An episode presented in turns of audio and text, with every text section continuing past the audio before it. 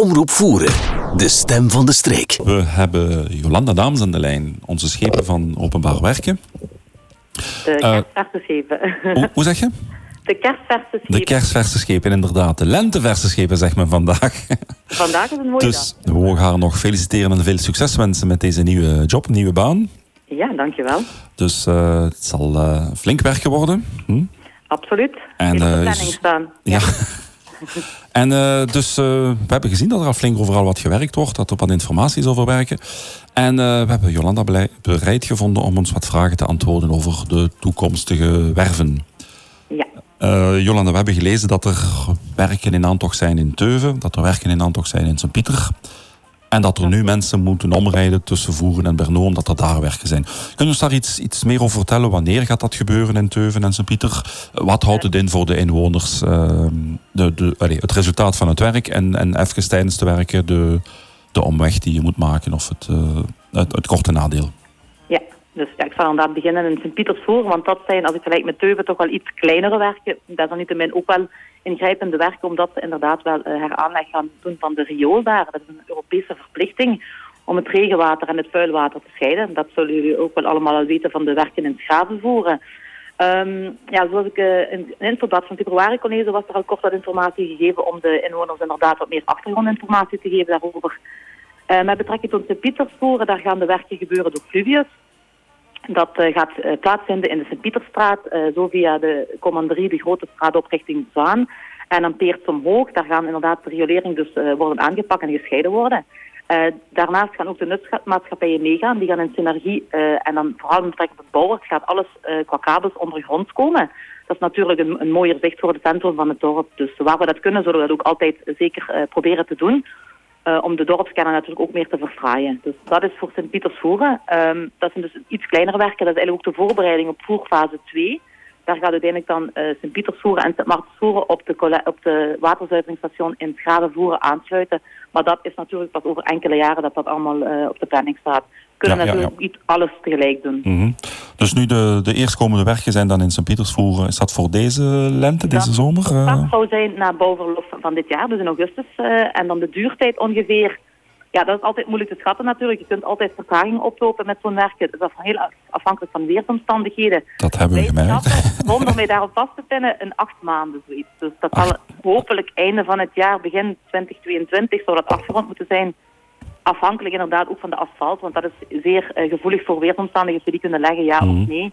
Dus um, ik fix mij daar niet op vast, maar dat is een, een, een nee, nee, is, mm. die, we, die we kunnen maken. Mm. Oké, okay, dus goed. dat is eigenlijk het, het meest voorname voor Sint-Pieters voeren.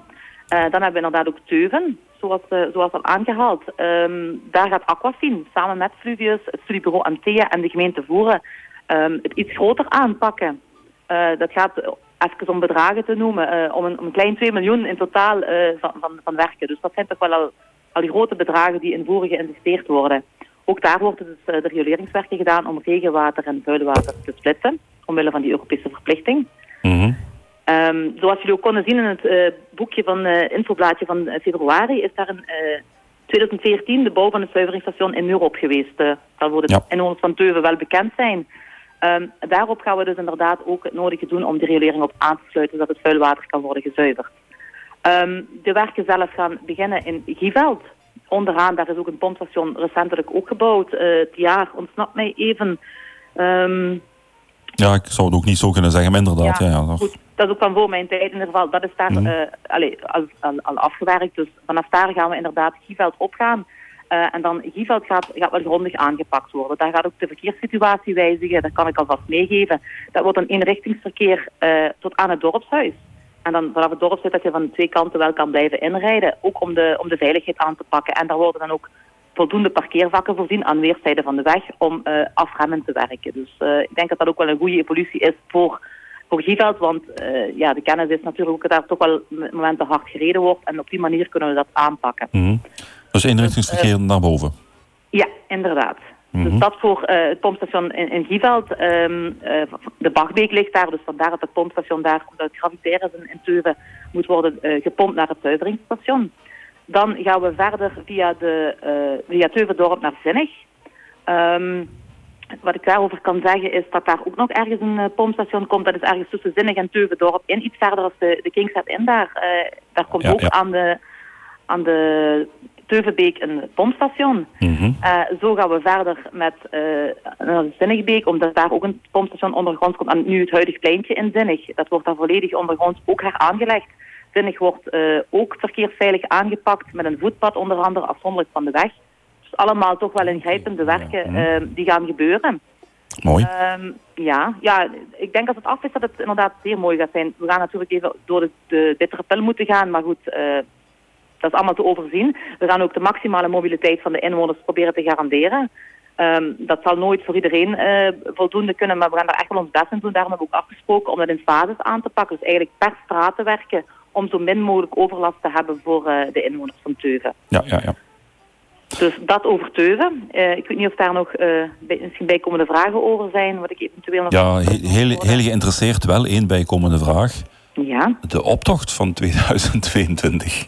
In januari zijn dan de wegen Daar gaan we afgesloten in inderdaad wel zien dat dat zeker kan doorgaan. Dat, moet, dat moeten we inderdaad wel eh, goed met de administratie ook, eh, ook afstemmen. En mijn collega's eh, van Voerbelangen, dat dat zeker... eh, want ja, goed, we hebben dit jaar al geen carnaval gehad. Ja, daarom. Ja. Twee, twee jaar op tijd.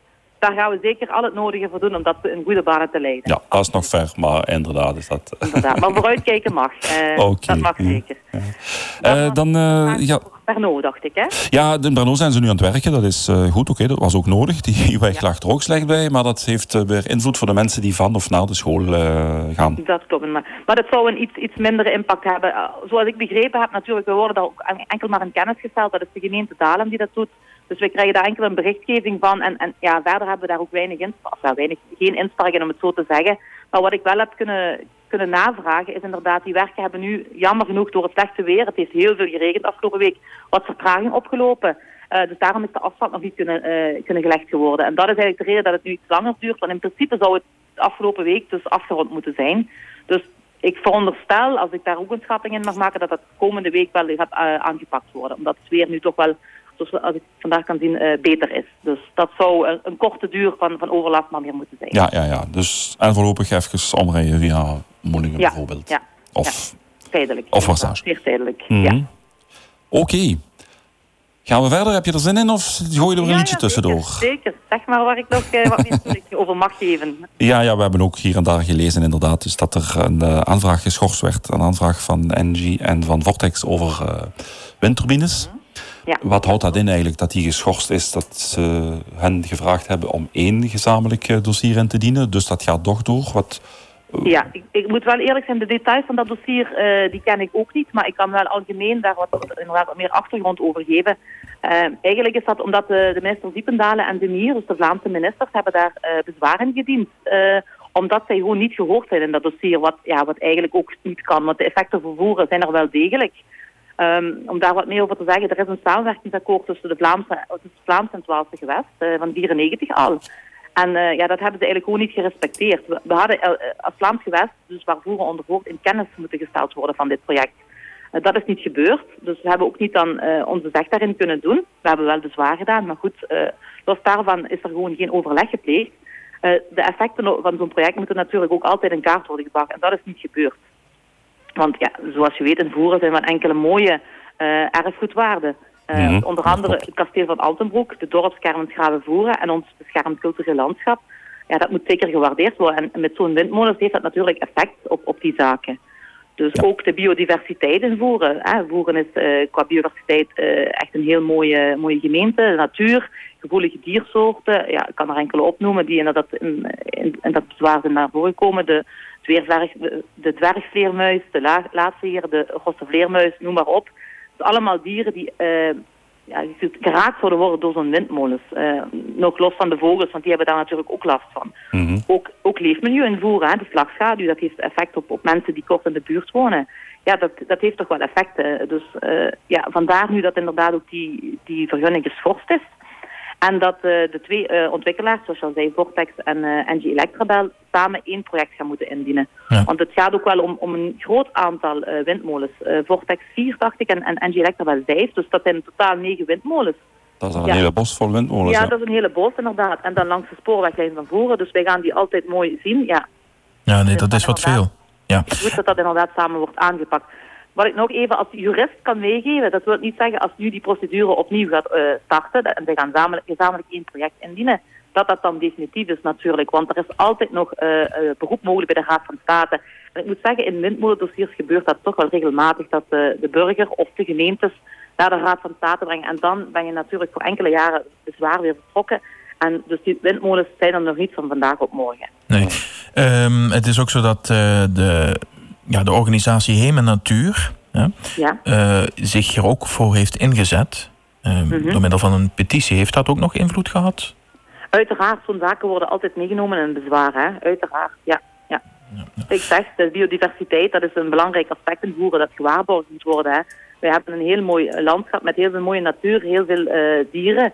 Dat moet allemaal gerespecteerd worden. En daarvoor, zo'n dingen hebben dan natuurlijk een extra weerslag daarop. Ja. Dat klopt. En maar in het verleden is het ook zo geweest dat er toch nou, in die zin een idee was om uh, in Moelingen en dan meer uh, langs de autosnelweg, om daar ja. ook uh, windmolens te plaatsen. Maar dat is toen ook niet doorgegaan, hè?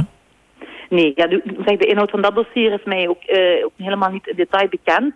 Maar goed, ik veronderstel dat daar gelijkaardige argumenten zijn, uh, zijn geweest. Ook de natuur inderdaad, het, het, het uitzicht, het, de dieren, mm. het mooie landschap van voren. Dat is zeker, uh, zeker daar ook als bezwaar in gediend. Dat kan nu, ik... Uh, nu, als, ja. ik, als ik een beetje advocaat van de duivel mag spelen... een paar jaar geleden was hier ook een grote betoging... tegen de kerncentrale van DO's.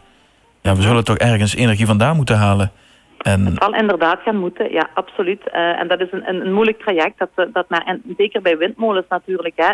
Het is goed dat die hier komen, maar de, de plek waar ze komen moet wel goed overwogen worden. Dat er zo min mogelijk overlast is voor de omwonenden. Ja, wat, wat me opvalt trouwens is dat vaak een, een, een, een gewest of een land toch graag die molens aan, uh, aan de grens plaatst. Uh, mm -hmm. Wat niet voor niets op die locatie wordt geplaatst natuurlijk. Um, ja, dat is natuurlijk niet zo ja, solidair, laat ik het zo zeggen. Voor, nee, het impact ook over de grenzen ja. heen. Hè? Ja. Maar dat geeft mij naadloos dan de mogelijkheid om over te stappen naar de energierekening van uh, Jean Marie. Dus van ons allemaal bedoel ik. Ja. Uh, er is in, het, uh, in de gemeente, zouden we tot 1 april terecht kunnen bij iemand van een Belgisch energieloket. Om informatie te krijgen, om prijzen te vergelijken. Uh, wat doen die daar precies? Is dat iemand van de gemeente of is dat iemand van een andere instantie? Ja, en kan dat ook nog na 1 april? Ja, zo'n zo energiecheck kun je eigenlijk, uh, ja, dat, nu in april, het, zal, uh, het is inderdaad een oproep die gedaan wordt, maar het kan eigenlijk constant, daar heb je de vraag voor, dus de Vlaamse energieregulator. Op hun website kun je eigenlijk een, een test doen, dat noemt de V-test, om je elektriciteit wat je betaalt te laten testen. Dus het eerste jaar als je bij iemand nieuw gaat, ja natuurlijk, dan komen ze met kortingen af en dan heb je een zeer gunstig mm -hmm. contract. Maar daarna gaan ze verhogen. Dus um, als ik als tip mag meegeven aan iedereen, vergelijk goed jaarlijks uh, op basis van, uh, van die test. En dan kun je soms wel groot voordeel doen. Kun je veel geld uitsparen. Dus het kan uiteraard via de gemeente, die kunnen daarin faciliteren. Maar het kan ook gewoon via de website. Ik begrijp dat voor inderdaad oudere mensen dat soms niet zo gemakkelijk is, die digitalisering. Maar daarvoor kan je bij het OCME terecht. Die gaan je daar zeker in ondersteunen. Die, die gaan die test dan voor jou doen. Breng gewoon je facturen mee en je contract van de energieleveranciers. En dan kunnen uh, de mensen van het OCME daar zeker in, uh, in, helpen. Ja, ja, maar op de site van de Vrecht, die zijn uh, neutraal. Dus die geven jou ja. De, ja. de beste prijs op dat moment. Inderdaad. En als consument mag je eigenlijk sowieso elk jaar van een leverancier veranderen. Ja, inderdaad. En hetzelfde geldt eigenlijk voor een gsm-abonnement. Dus er zijn dan meerdere dingen waar je dat toch wel goed in de gaten moet houden. Mensen mm. zullen het ook wel voor een hypothecaire lening hebben gedaan. Die, die interessestanden ook heel erg laag nu. Dus ja, zeker goed vergelijken is de boodschap. Ja, ja, ja. Oké, okay, dankjewel voor deze uitvoerige uitleg, voor deze verschillende, verschillende punten. Ja, ik heb nog één klein, uh, kleine zaak uh, onderwerp, uh, Jolanda. Ja. Um, het is namelijk zo dat, um, ja goed, later dit jaar, het was dacht ik in februari al voorzien, maar de werkzaamheden hier in Moelingen aan, aan de Bouwijn, ja. dat gaat wel nog dit jaar van start? dat zal waarschijnlijk niet meer dit jaar zijn. Dat gaat begin 2022 uh, zijn. Okay. Wat ik daar wel al over kan meedelen, er staat 31 maart een digitale vergadering gepland uh, voor de inwoners van Moelingen. Die gaan daar in de loop van komende week nog een schrijven over ontvangen. En dan gaan we nog meer informatie geven over de, de plannen die we hebben daarvoor. En dan kunnen we voordat die vergadering, of nadat die vergadering heeft plaatsgevonden, uh, nog even daarover met jou praten? Uiteraard. Ik zou dan voorstellen daarna, misschien zijn er inderdaad wel, wel ja. vragen van bewoners ook die ze kunnen opdringen. En dan kunnen we dat inderdaad ook allemaal even toelichten.